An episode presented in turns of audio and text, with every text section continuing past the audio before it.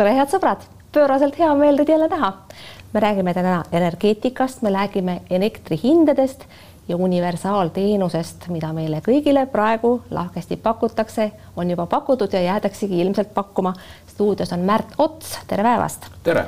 tegemist on Isamaa salarelvaga infotehnoloogia ja ettevõtlusministri Kristjan Järvani isikliku nõunikuga ja elektrituru reformihalli kardinaliga. niimoodi ma tutvustaksin teid inimestele, kes võib-olla ei mäleta, et te olite viisteist aastat järjest Konkurentsiameti peadirektor.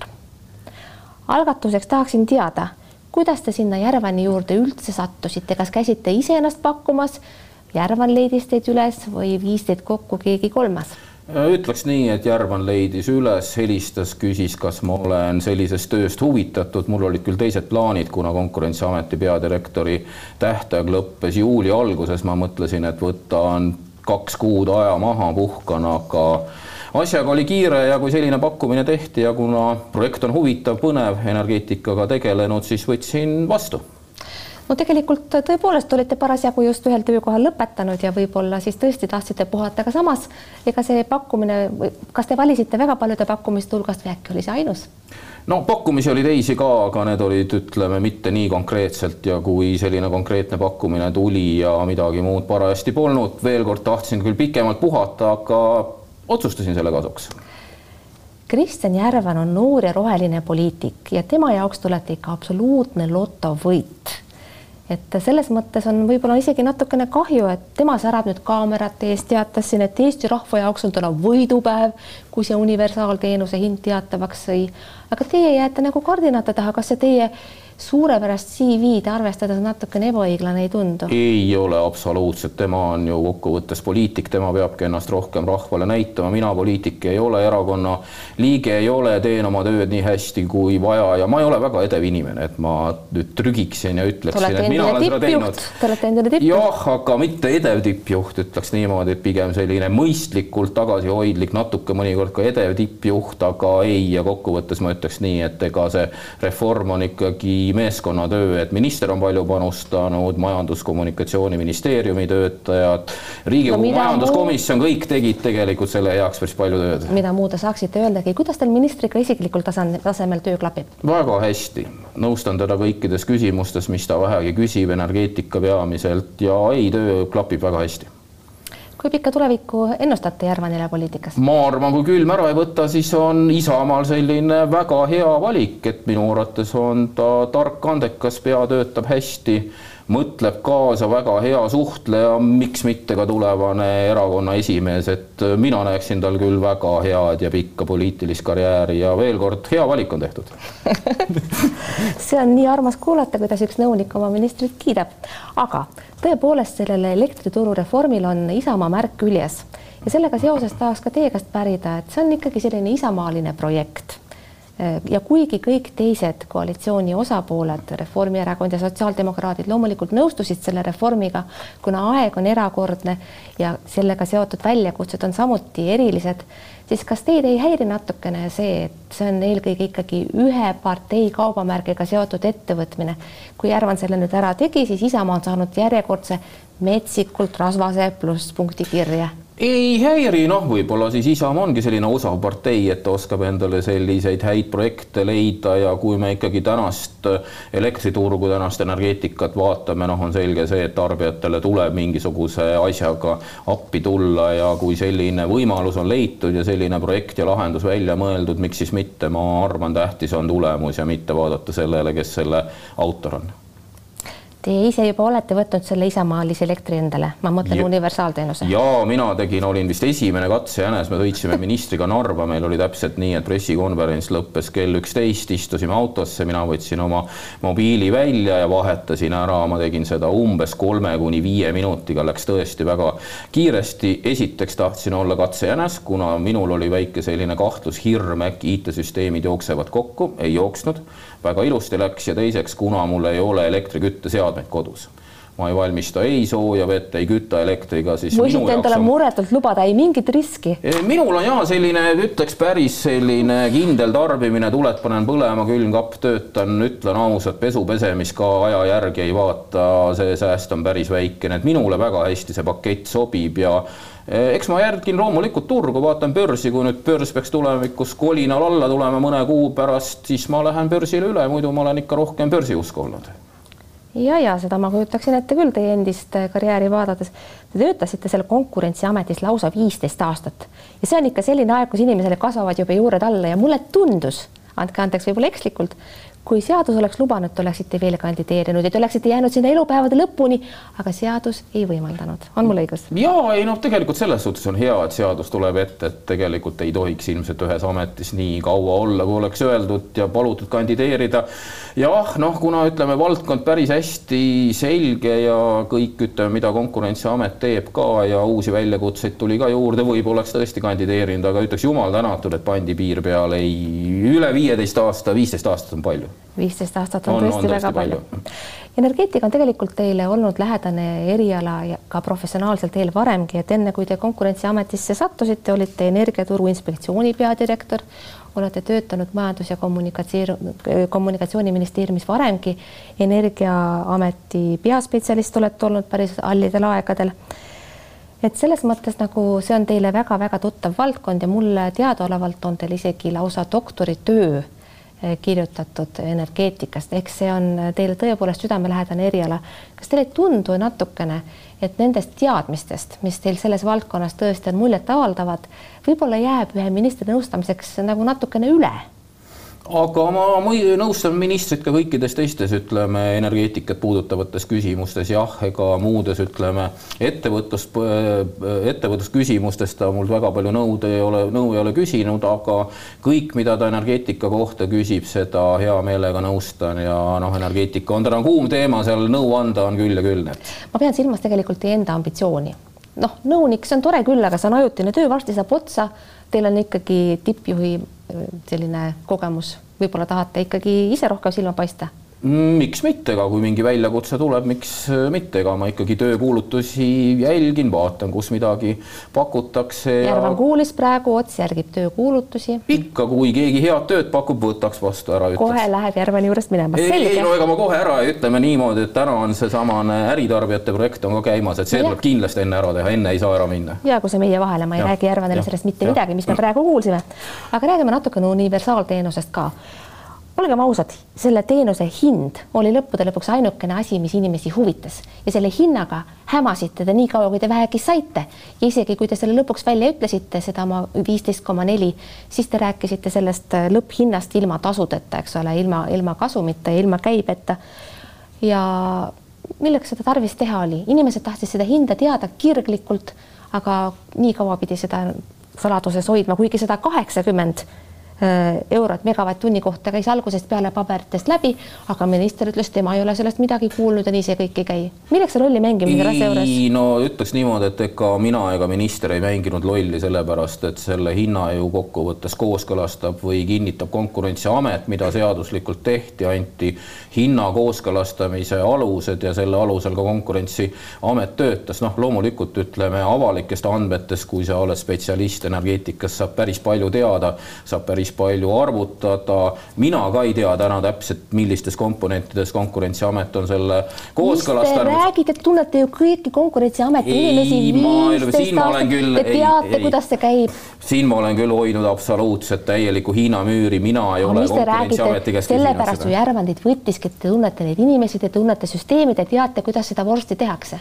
ma tean, kuidas seda tehakse, aga ütlen ausalt, mina ei tea vorsti koosseisu ja siin ma olen küll hoidnud väga selget Hiina müüri konkurentsi Konkurentsiametiga, nemad kooskõlastavad, nemad määravad, jah, ma enam-vähem, mul on aimdus, millest Teie lihtsalt üleeile tulite sealt ära ja teate, kuidas see asi käib? ei, ma tean, aga ma ei tea, ütleme absoluutselt rida-realt komponente ja see on kokkuvõttes ka ärisaladus. noh, loomulikult minu arvates Eestis on sellist Äh, kommunaalettevõtete või turgu valitsevate ettevõtete ärisaladust liiga palju, siin võiks tõesti võib-olla seaduse muutmisele mõelda, Eesti Energia võiks täiesti vabalt tegelikult selle hinna avalikustada, et Eesti rahvas teaks, millistest komponentidest koosneb, aga ütlen ausalt, mina ei tea. ei, mina räägin ikkagi universaalteenusest, kui see hind esimest korda välja tuli, see viisteist koma neli, siis äh, oli täitsa sihilikult kilovatt-tundides, mitte megavatt-tundides, nagu me oleme Nord Poolist harjunud nägema ja oli nende lisatasudeta.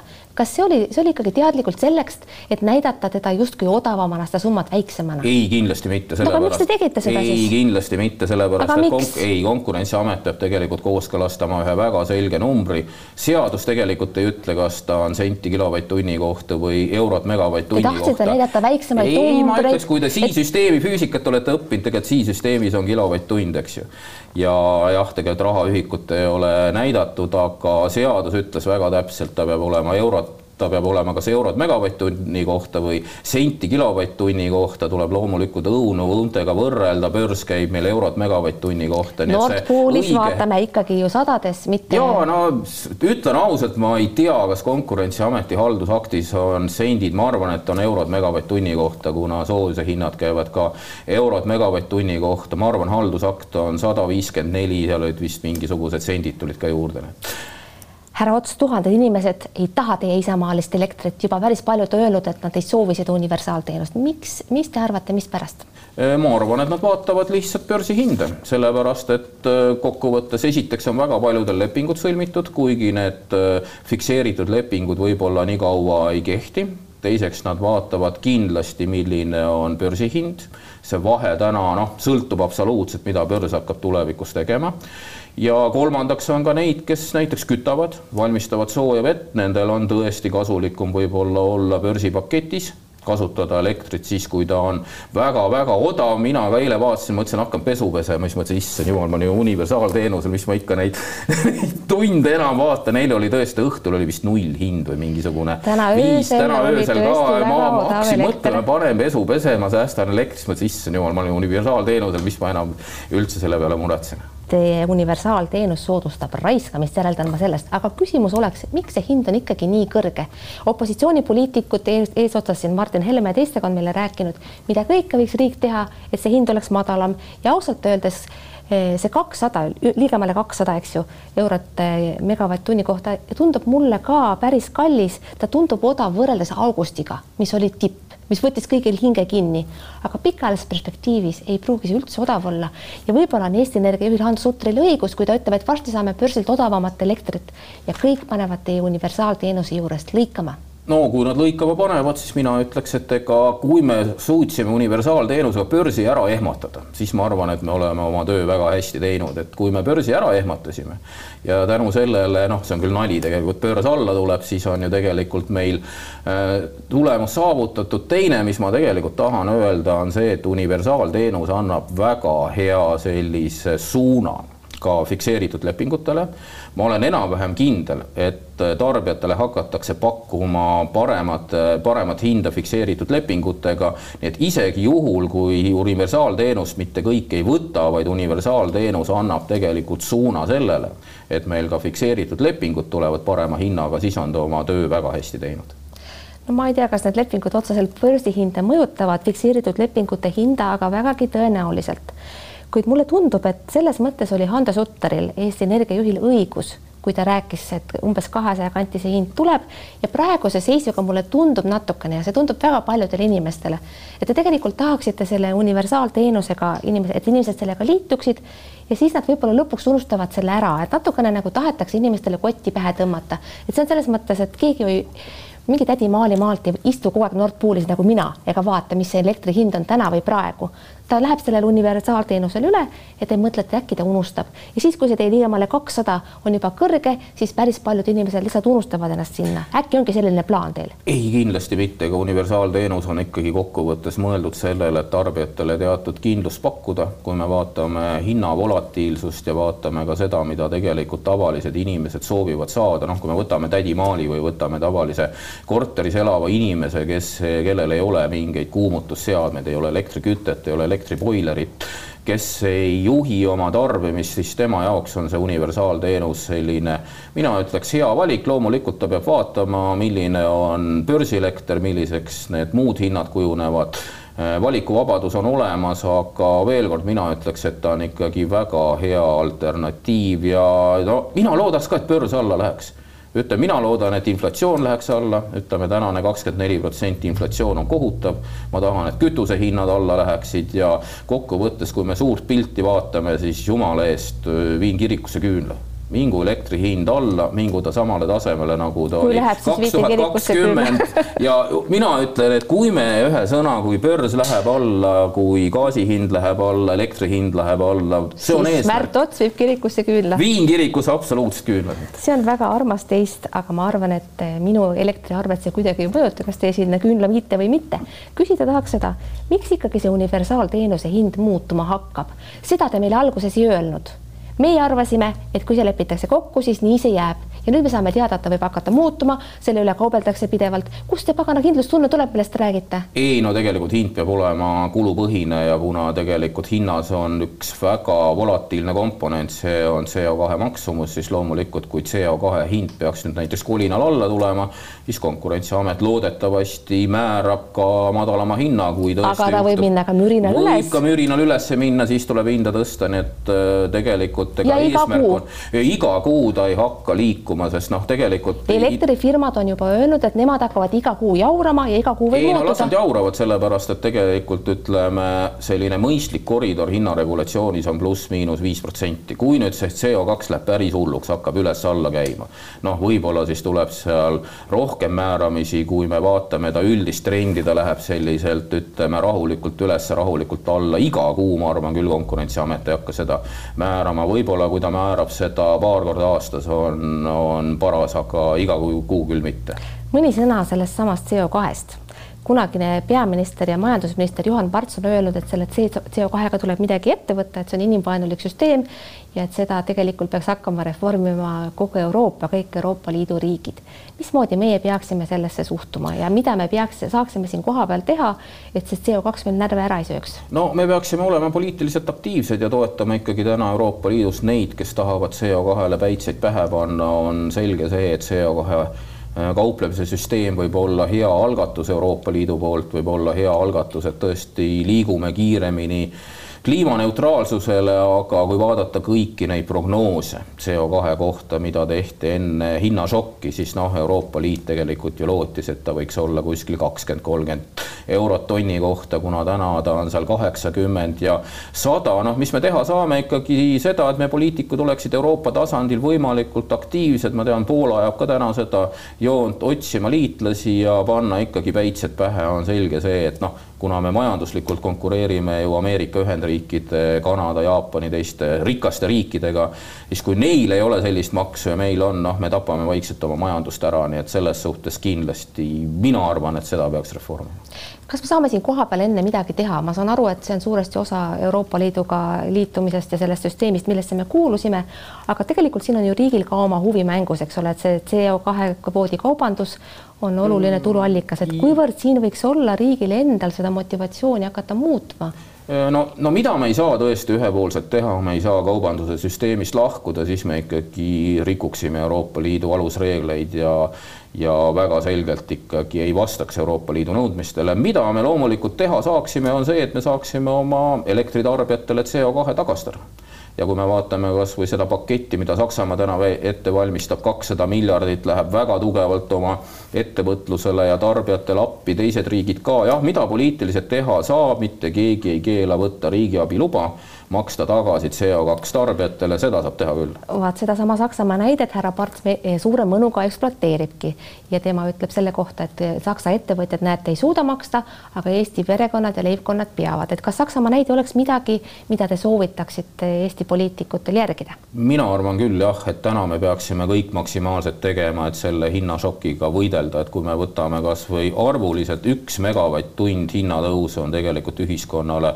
umbes kümme miljonit eurot sada on juba äh, sada on juba, mis ta teeb siis miljard, eks ju, ja, ja nii edasi. meil on täna Euroopa Liidu kõige kiirem inflatsioon, et mina ütleks küll, et me peaksime täna maksimaalselt tegema, et inflatsiooni taltsutama ja oma energiahindu ikkagi alla suruma, et selles suhtes jah, universaalteenus on väike samm sellele poolele, loodame, et me saame väikestele äriettevõtetele järgmise sammu teha, aga üldpildis jah, riik peaks täna rohkem appi tulema paar sõna ka elektriturust ja vabast turust, nii nagu meie seda tunneme siinkohal umbes kümme aastat ja me olime sellega väga rahul, kuni elekter oli odav.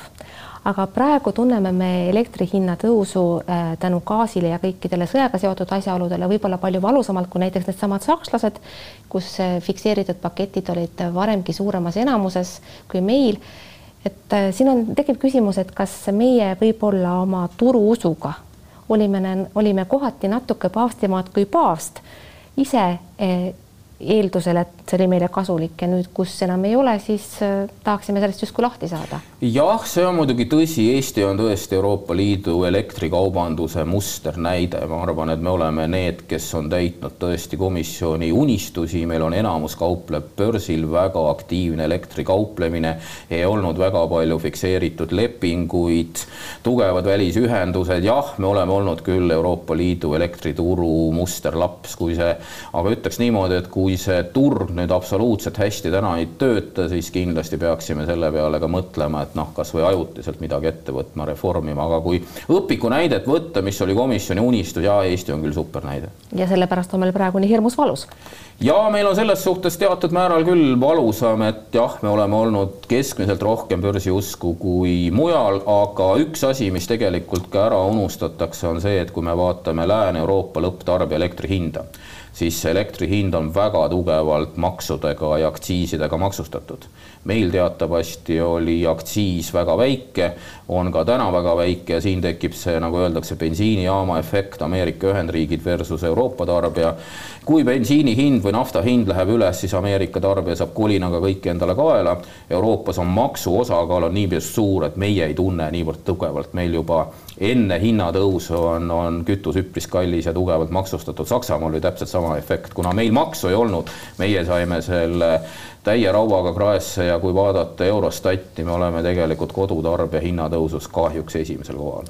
Märt Ots, lõpetuseks. igasugused institutsioonid, alates Euroopa Komisjonist ja lõpetades Eesti ministritega, mõtlevad selle peale, kuidas elektrit säästa ja kus, kuidas iga inimest ja iga ettevõtet ja organisatsiooni ajendada seda tegema ma saan aru, teie nüüd, kuna te läksite eeskujulikus korras universaalteenuse peale üle enam öösiti pesu ei pese ja võib-olla isegi kütate edasi oma teist basseini, mida teil kas on või ei ole, ma ei tea, aga noh, see on selline kujund.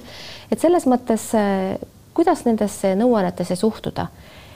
On ühest küljest on arusaadav, et kui mina ja teie peseme öösiti pesu, ega sellest väga palju ei muuda, ei muutu midagi ja kui me keerame kraanivee külmaks siis see on võib-olla märgiliselt oluline, aga suurusjärkusid ei muuda.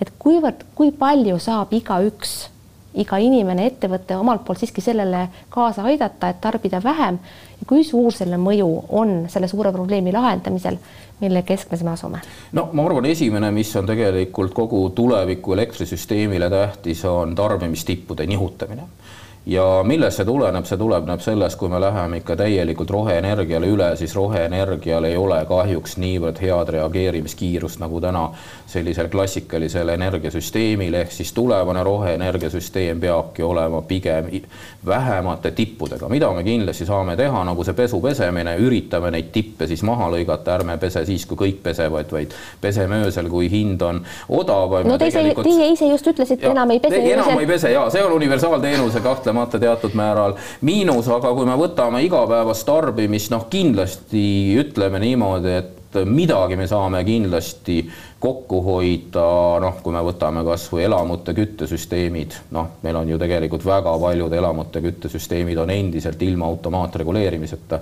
noh, mis tähendab seda, märtsikuus päike paistab sisse, kütame edasi. nii et tegelikult meil kahtlemata päris palju teha on, aga kui me võtame nüüd ütleme selle tänase punkti ja ütleme, et hoiame nüüd järgmise kahe kuu jooksul kõvasti energiat kokku, jah, siin ma ütleks pigem me saame oma tarbimist nihutada, ega igapäevastes harjumustes väga palju kokku hoida ei saa, siis me hakkasime lihtsalt palju halvemini elama igaks juhuks juhin vaataja tähelepanu sellele, et minister Järvani nõunik Ots tunnistas siin saates, et universaalteenus soorib so,, soosib raiskamist, tema enam öösiti pesu ei pese. Märt Ots, ma tänan teid selle jutuajamise eest.